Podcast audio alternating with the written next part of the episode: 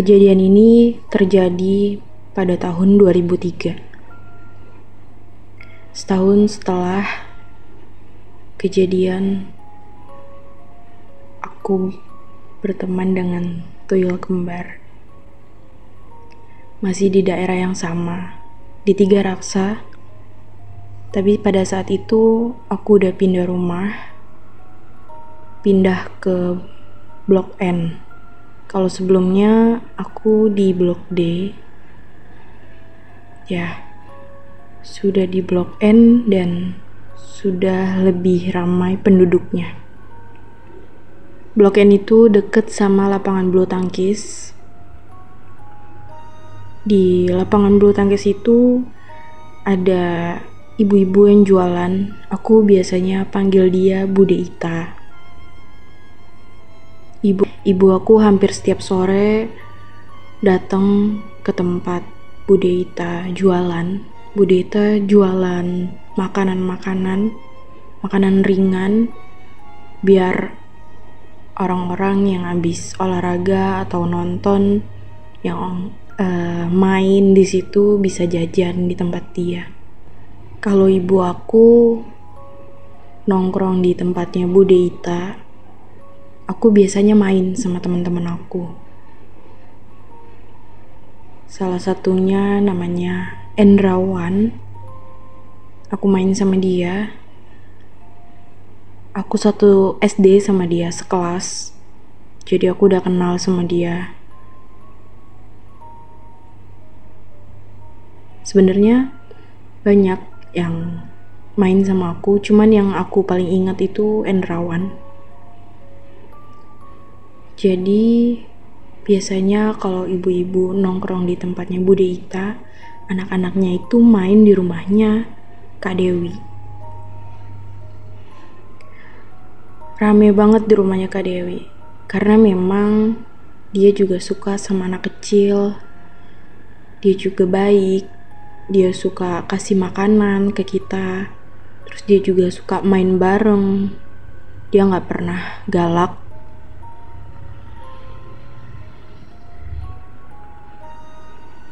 dan rumahnya juga adem, gak terlalu jauh dari lapangan.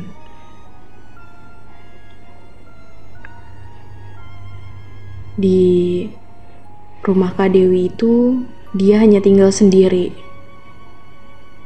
Jadi memang dia sengaja kayak nyuruh anak-anak main aja di rumah dia biar rame.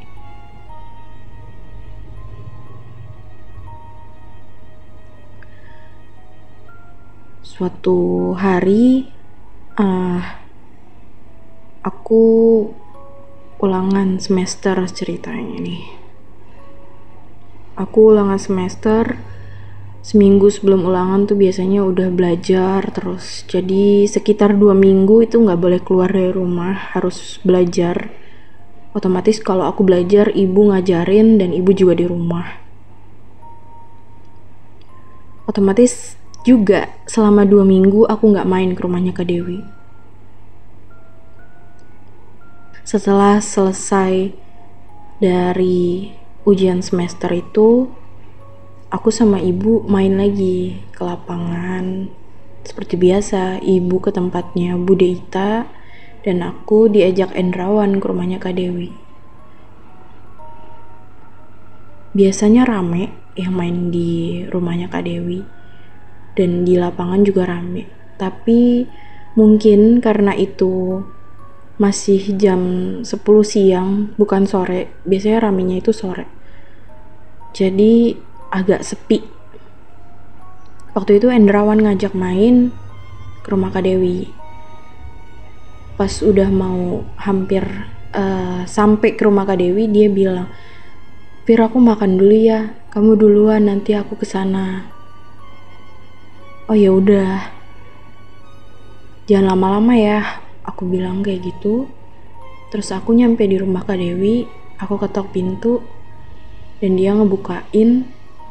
Dia nggak nanyain aku apa-apa. Cuman ya udah aku langsung main aja. Aku main sendiri. Main bola bekel.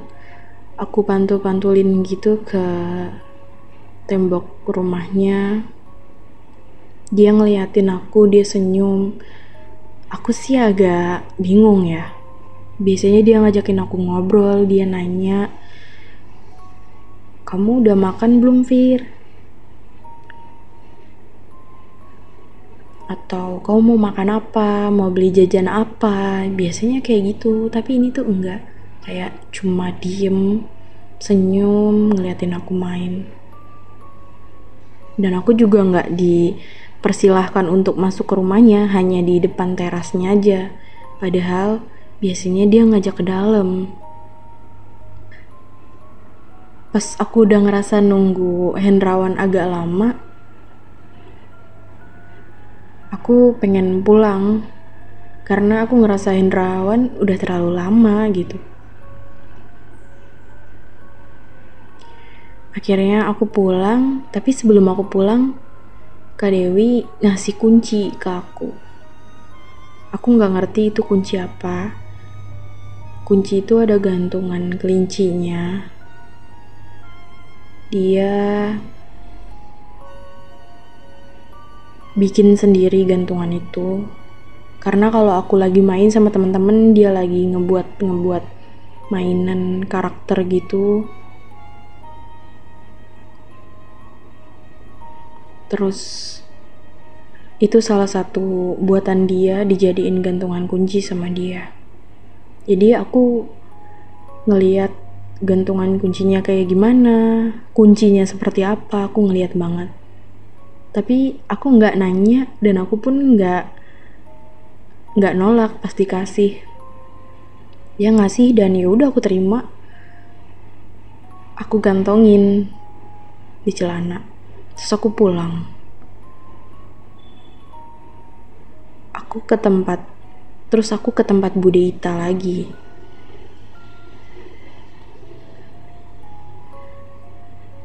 Nyamperin ibu. Pas aku sampai Bude Ita dari jauh. Pas aku udah arah ke Bude Ita udah teriak-teriak gitu ke nyokap aku kayak teriak e, itu Vira itu Vira dia manggil ibu aku mbak itu loh itu Vira itu loh kayak teriak-teriak yang lain juga Vira, Vira pada manggilin gitu. Ibu aku langsung lari, nangis. Dia kayak nyariin aku lagi gitu loh. Aku bingung, kenapa kok nangis gitu. Ekspresi ekspresinya nyokap nangis kayak gini nyari-nyariin aku kok kayak udah pernah kejadian gitu sebelumnya. Kenapa aku dicari-cariin? Terus aku juga lihat ada Endrawan di situ sama mamahnya. Terus aku dibawa ke tempat rumahnya Bude Ita dan itu udah rame banget. Teman-teman aku pun udah ada di sana.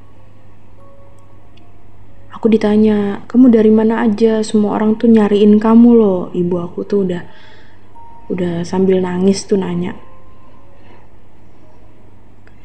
Aku bilang, aku dari rumah Kak Dewi, aku nungguin Endrawan gak dateng-dateng. Nungguin gimana orang Endrawan itu udah pulang dari tadi. Dia gak ke rumah Kak Dewi loh. Iya, tapi tadi dia ngajakin aku ke rumahnya Kak Dewi. Dia katanya mau dateng, tapi dia makan dulu. Aku jelasin dong ke nyokap kamu emang gak dimarahin? Kok main di sana sama bapak-bapak emang gak dimarahin? Kata Bu Dita. Dimarahin kenapa? Aku nanya kan. Orang gak ada siapa-siapa kok. Kak Dewi cuma sendiri. Memang Kak Dewi itu tinggal di rumahnya dia itu cuma sendiri. Keluarganya itu aku gak ngerti di mana. Rumahnya itu rame loh Vira. Pak RT, suaminya Bude juga di sana. Rame loh, ada polisi loh. Kayak gitu bu ngomong ngejelasin kalau di sana itu ada kejadian. Kejadian apa aku nggak ngerti. Cuman ibu aku uh, ngasih tahu di sana lagi ada kejadian pembunuhan. Kamu nggak boleh main ke sana. Kamu tadi ke mana aja? Semua orang udah nyariin loh. Takutnya kamu diapa-apain orang diculik atau apa gitu. Karena memang setahun sebelumnya kan aku pernah hilang juga. Yang keluarga aku nyariin itu. Nah sekarang juga karena ayah aku lagi nggak ada di rumah jadi ibu benar-benar ketakutan nyariin sendirian dibantuin sama warga Gak lama aku lagi dimarah-marahin sama ibu, sama Bu Dita. Tiba-tiba suaminya Bu Dita datang Dia bilang, rumahnya Dewi nggak bisa kebuka. Rumahnya udah bau busuk. Bau busuk apa gitu? Aku dari sana kok tadi. Nggak bau apa-apa. Aku cuman mikir aja di dalam hati aku kayak gitu. Terus Budi bilang, ini loh tadi katanya Vira ke sana. Pak D-nya bilang, gak ada tadi gak ada Vira. Ibu makin marah ke aku. Itu kata Pak D nggak ada. Kamu ke mana? Jangan bohong loh. Beneran bu, orang tadi aku dikasih kunci sama Mbak Dewi. Orang aku dikasih kunci tadi sama Kak Dewi. Aku mau nunjukin kuncinya. Ternyata di kantong aku nggak ada. Terus akhirnya aku diajak ibu ke sana sama Bude, Pak D juga ikut. Pas aku sampai di sana, aku ngeliat Kak Dewi ada di depan rumahnya. Walaupun rumahnya lagi rame, dia di depan rumahnya berdiri aja. Kayak memang udah nungguin aku datang gitu loh. Terus dia cuman ngelirik ke sebelah kiri, matanya itu ke arah got. Terus aku mau maju, memang ibu aku sempat narik, mau ke mana gitu. Kayak, enggak sebentar, aku ngomong gitu terus aku ngeliat ke arah got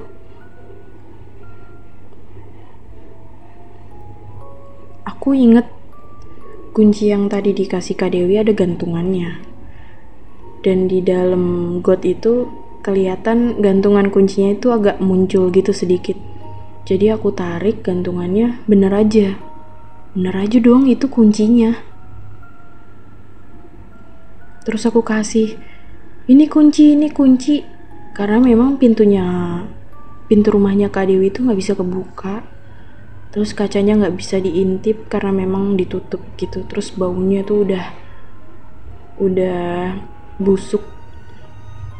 Pak D bilang ini sebelumnya pintunya nggak bisa loh didobrak. Udah berapa bapak-bapak yang nyoba ngedobrak tapi nggak bisa.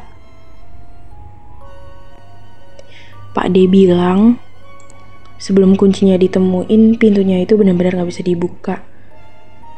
Padahal bapak-bapak yang ada di sini udah nyoba ngedobrak pintunya. Dari kaca pun gak bisa dilihat sama sekali.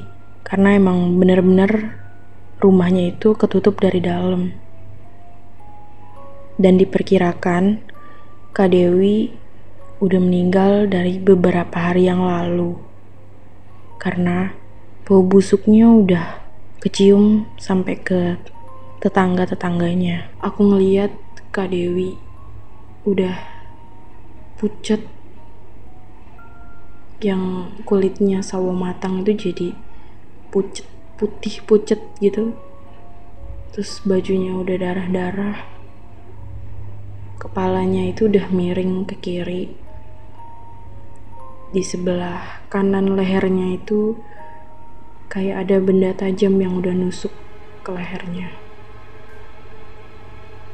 Aku nangis sejadi-jadinya karena kaget banget. Aku baru main sama dia tadi pagi. Kok sore-sore bisa-bisanya aku lihat dia udah meninggal. Ternyata korban pembunuhan yang ibu bilang itu adalah Kak Dewi. Dan kenapa orang-orang nyariin aku? Nggak ketemu? Mungkin saat itu aku lagi ngobrol sama Kak Dewi, jadi aku nggak kelihatan sama orang-orang lain. Aku nggak ngerti juga kenapa bisa orang-orang itu nggak ngelihat aku lagi di situ. Dan aku pun nggak ngelihat bapak-bapak yang lagi di rumah itu lagi mencoba buka rumahnya Kak Dewi.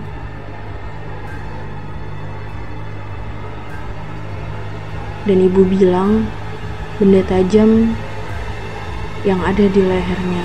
Kak Dewi itu adalah jarum sol. Yang udah beberapa kali ditusuk ke lehernya. Sampai lehernya itu udah hampir patah udah hampir hancur di bagian yang sebelah kanannya setelah ngeliat itu tiga hari aku sakit yang aku harapin setiap hari adalah aku berhenti melihat mereka. Tapi ternyata itu nggak bisa, bahkan sampai sekarang.